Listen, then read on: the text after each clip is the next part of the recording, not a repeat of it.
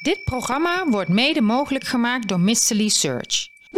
We hunt hearts, not heads.nl Yvette, eh, jij eh, loopt al een behoorlijke tijd mee in de Nederlandse foodsector met jouw eh, bureau. Uh, kun je eens iets vertellen over wat je hebt meegemaakt in die tijd? Want het is al meer dan 20 jaar, denk ik, hè, dat je actief bent met Mystery Search. Ja, ja, dit jaar bestaan we 21 jaar. En, uh, maar daarvoor zat ik ook al in de foodsector. Dus al met al. Uh, Wat zit... je daarvoor? Uh, daarvoor heb ik gewoon gewerkt bij verschillende multinationals. ik heb ooit Hakendas in Nederland op de markt gebracht, direct vanuit Amerika. Ik heb bij General Biscuits gezeten, wat nu eigenlijk het Mondelez is. Hè, dus in de biscuittak gezeten. Ik heb nog bij PepsiCo gezeten in de chips. Dus ik heb eigenlijk altijd nou ja, voor de leuke producten gewerkt. Ja. En uh, nou ja, uiteindelijk dus 21 jaar geleden besloten om uh, werving en selectie, headhunting te gaan doen uh, in deze doen? sector. Um, ik was zelf wel, ik had eigenlijk meer behoefte om ook echt wel meer nog met mensen te doen. Dus ook onder andere bijvoorbeeld toen ik bij PepsiCo zat, was ik ook altijd heel actief in de sector uh, met uh, verschillende stuurgroepen. Die tijd hebben we natuurlijk ICR gehad, wat opgestart werd. Um, dus ik had zelf wel zoiets van, nou, ik vind het eigenlijk toch wel veel leuker om veel voor mensen te betekenen. En ja, ik denk achteraf gezien dat het toch een beetje ook mijn roeping is. Ik doe het nu 22 jaar en elke dag geniet ik ervan. Dus waar geniet je dan van? Want dat zal dan waarschijnlijk je volgende vraag zijn. Ja, dat is gewoon dat je dus mensen kan helpen om voor hun hun beste carrièrepad te volgen. Wat, wat heb je zien veranderen in die afgelopen uh, jaren? Nou, uh, wat eigenlijk een beetje wel uh, meegaat ook met de economie. Dus je hebt golven.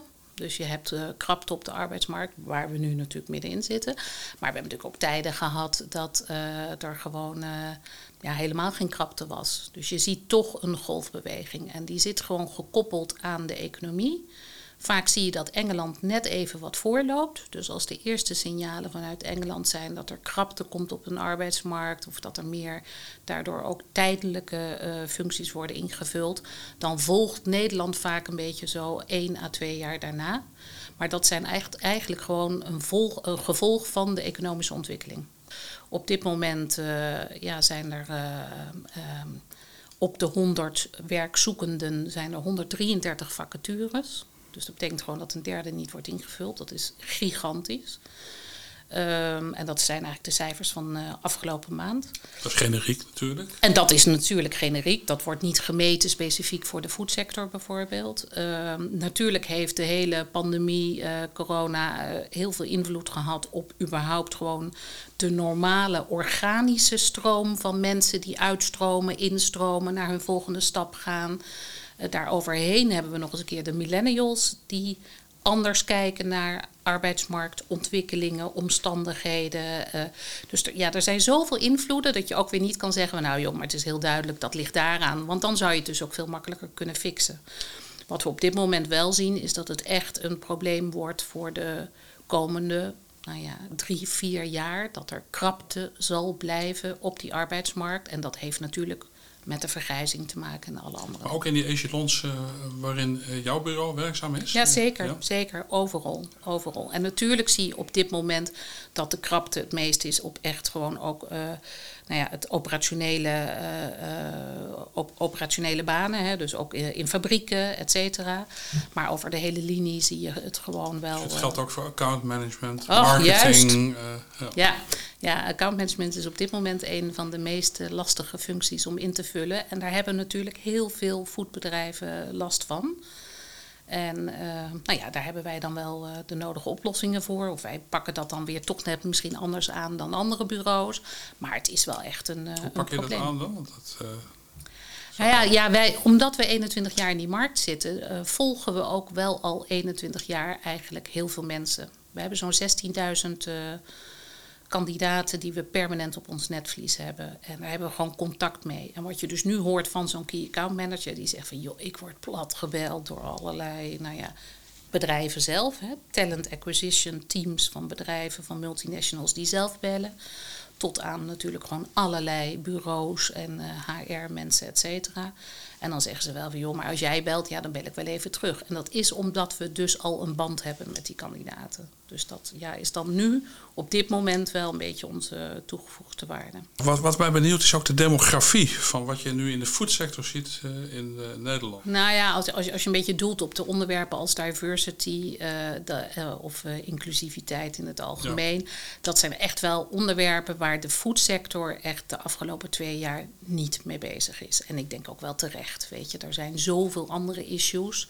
Uh, door corona, door het opeens door die horecamarkt die stopte, door grondstofproblemen. En dat hebben we nu natuurlijk nog volop, nu nog weer prijsverhogingen. Men is gewoon uh, met de kern bezig. En die kern is niet van, oh, maar ik moet nu heel bewust, echt heel bewust op deze functie alleen maar naar een vrouw gaan zoeken. En met de arbeidsmarktkrapte zal dat de komende tijd dus ook nooit hè, het onderwerp kunnen zijn. Als je even kijkt naar, ja, ik heb toevallig zelf even gekeken in onze database, dan is uh, van die 16.000 is gewoon de helft man en de half, uh, helft uh, vrouw. Ik denk dat dat niet zo is hoor, dat er nog steeds wel altijd iets meer mannen in de voedsector werken. Toevallig liep ik gisteren op de Pelema. Toen dacht ik toch ook wel weer van... Goh, wat is het toch een mannenwereld. Ja, dus nee, ik denk niet dat dat helemaal zo is. Wat je wel ziet is dat vrouwen veel bewuster bezig zijn met hun carrière. En dus ook bewuster bijvoorbeeld een werving- en selectiebureau even vertellen dat ze wel of niet in de markt zijn en wanneer ze wel of niet een stap willen zetten. Vrouwen zijn in het algemeen daarin iets bewuster met hun carrière bezig. Juist omdat, uh, dat zie je ook wel aan de nieuwere generaties, die willen alles niet doen zoals de oudere generaties hebben gedaan, waarbij ze opeens, nou ja, met een dikke buik rondliepen en toen dachten, oh maar nou moet ik mijn carrière opzij zetten. Zij willen heel bewust. Dus gaan wel minder werken, denk ik, of niet? Ja, dat is natuurlijk het, nou ja, is eigenlijk het allergrootste drama van heel, uh, wat we in Nederland hebben. Uh, is dat er te veel natuurlijk parttime gewerkt wordt. Maar die mannen die gaan waarschijnlijk niet parttime werken. 20% van de mannen werkt parttime in Nederland. Niet specifiek voor de voedsector, maar wel in het algemeen. Dus zie je dat, dat in de voedsector ook wel terug? Veel. Of, of weet je dat niet? Ja, nou je ziet het wel. Uh, ja, nee, je ziet wel die balans veel meer komen. En dat gewoon uh, man en vrouw uh, allebei vier dagen bijvoorbeeld willen werken. Om toch te zorgen dat ze daarmee dan ook hun kinderen op de juiste manier in hun ogen kunnen opvoeden. Wat krijg je mee over de werkdruk?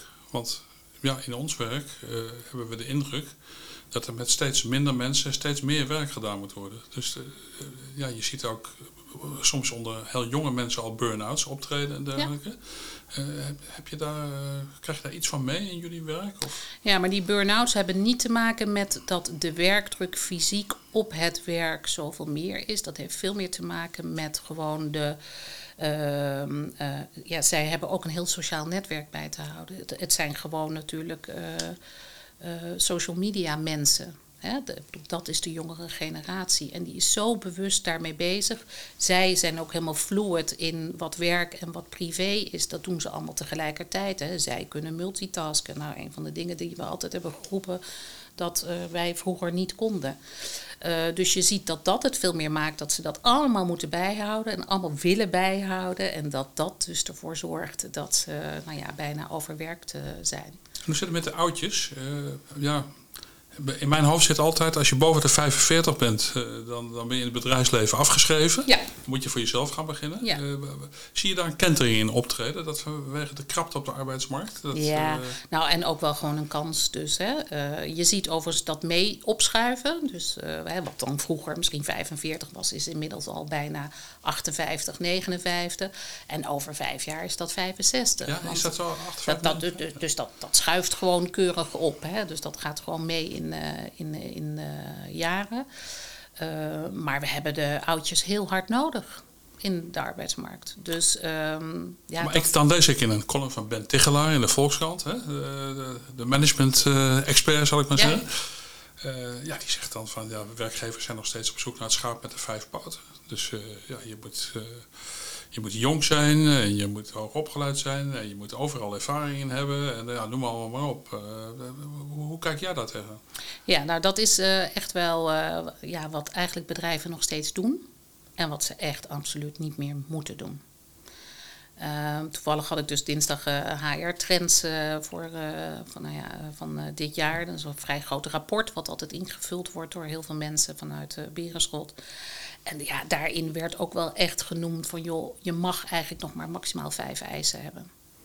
En dus als je een advertentie maakt of je maakt iets, weet je, pak er vijf en dat is echt noodzakelijk en de rest is gewoon nice to have. En daar mag je nog ook een rangorde in zetten.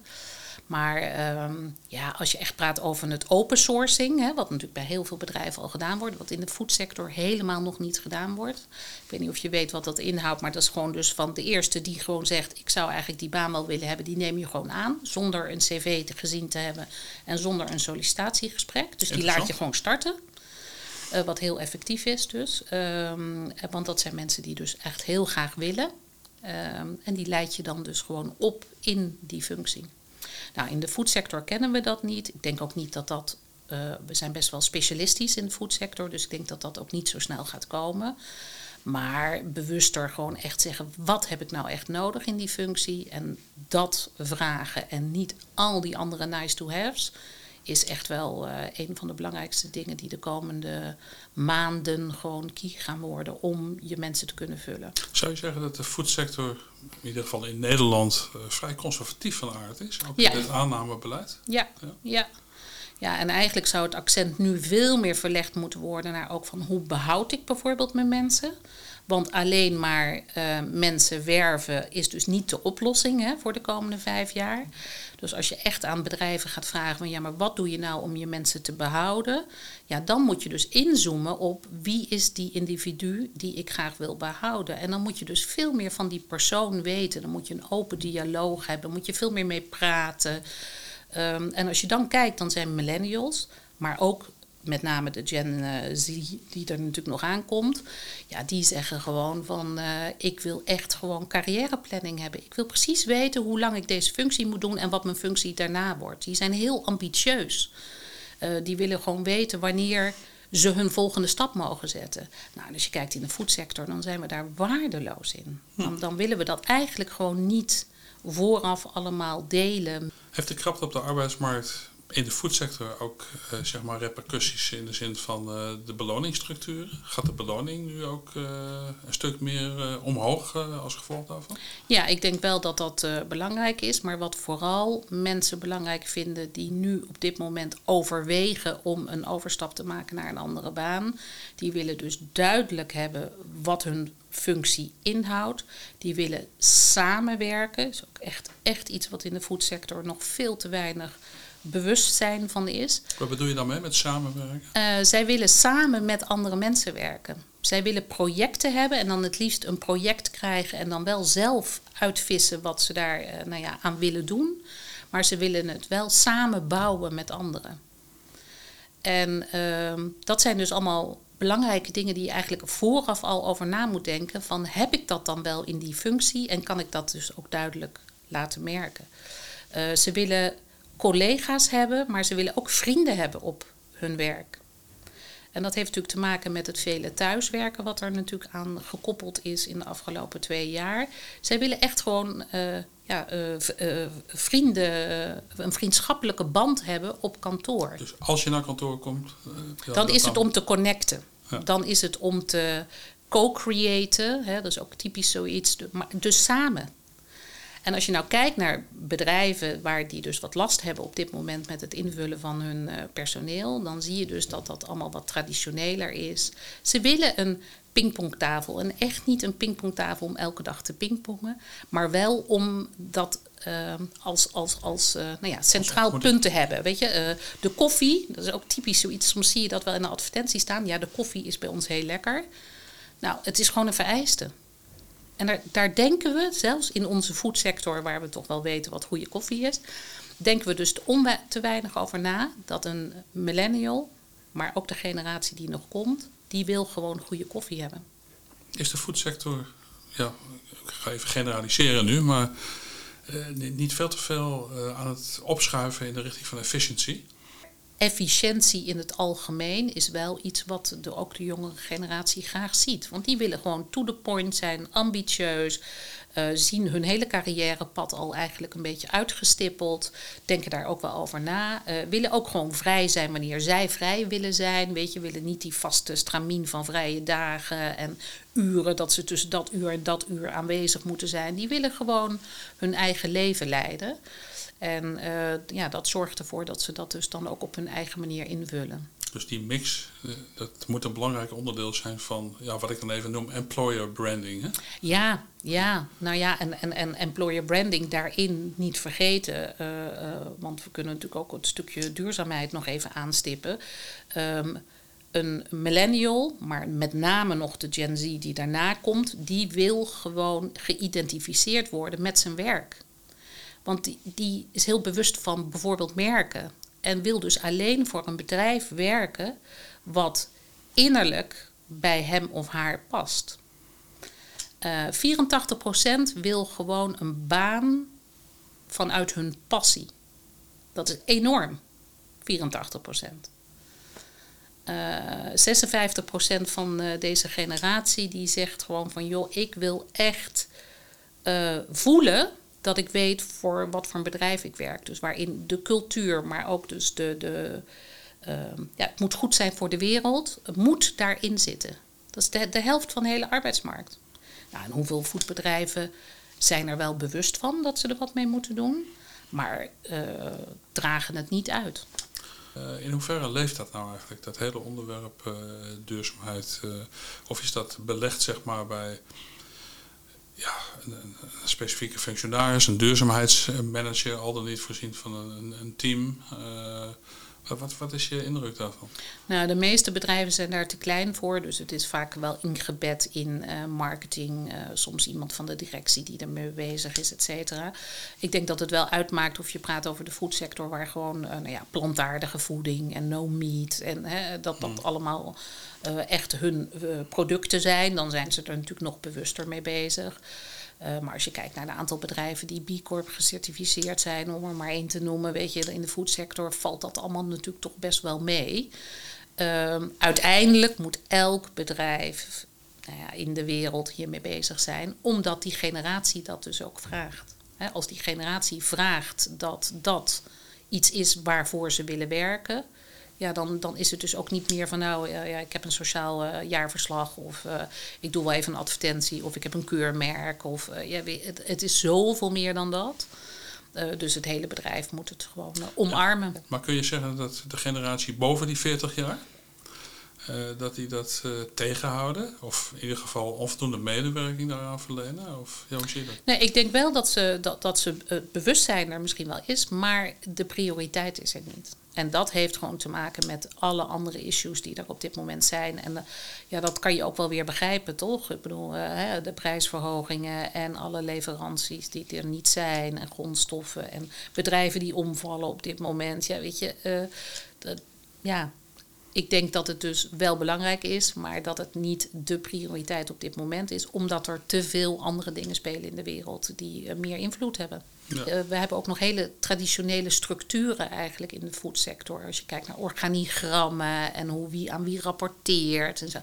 Ja, weet je, zet er allemaal hele grote kruisen doorheen en ga eens even heel anders denken. Weet je, dat zou echt wel helpen om dan dus ook veel meer vanuit stuurgroepen of vanuit projectgroepen uh, te werken. Het is veel te veel verticaal georganiseerd in ja. plaats van horizontaal. Ja. Is dat wat je zegt? Ja. ja. ja. Kijk, weet je, een, een, uh, een millennial uh, die zegt: um, Ik wil een manager die mij dingen leert en niet vanuit hiërarchie. Ik wil voelen dat dat een manager is die mij dus wat kon brengen.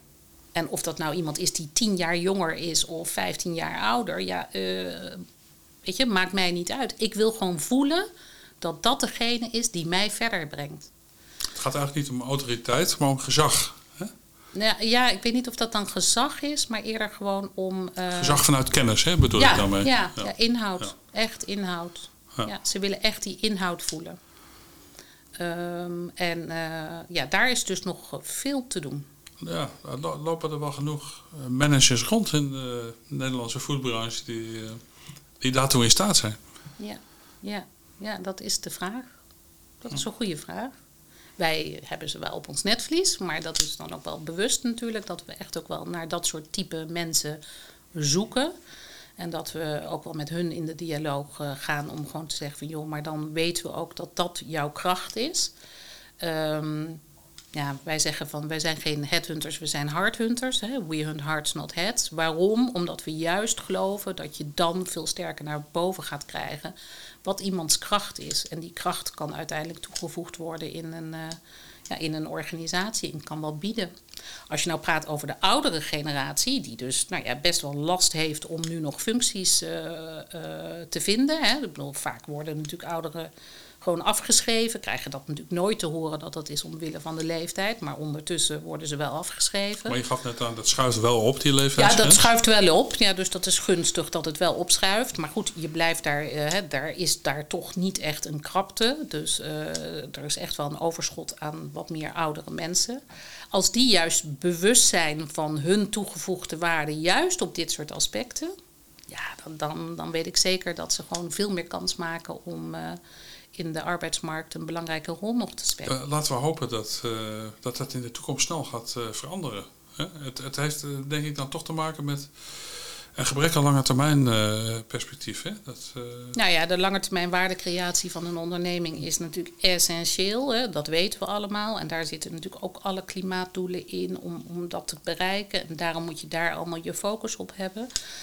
Ehm, maar ja, korte termijn denken in geval van crisis, en laten we eerlijk zijn, we hebben wel crisis op crisis op crisis, zorgt ervoor dat er dus te weinig langetermijn uh, waardecreatie is. Dus ja, allemaal vizier open en, en, en praat met de mensen. Want kijk, weet je, als je uh, bereikt dat je je mensen kan behouden Even een voorbeeld misschien nog. Weet je, er wordt dus in Nederland ontzettend veel parttime gewerkt. Hè. We zijn het enige land in heel Europa wat zoveel parttime werkt.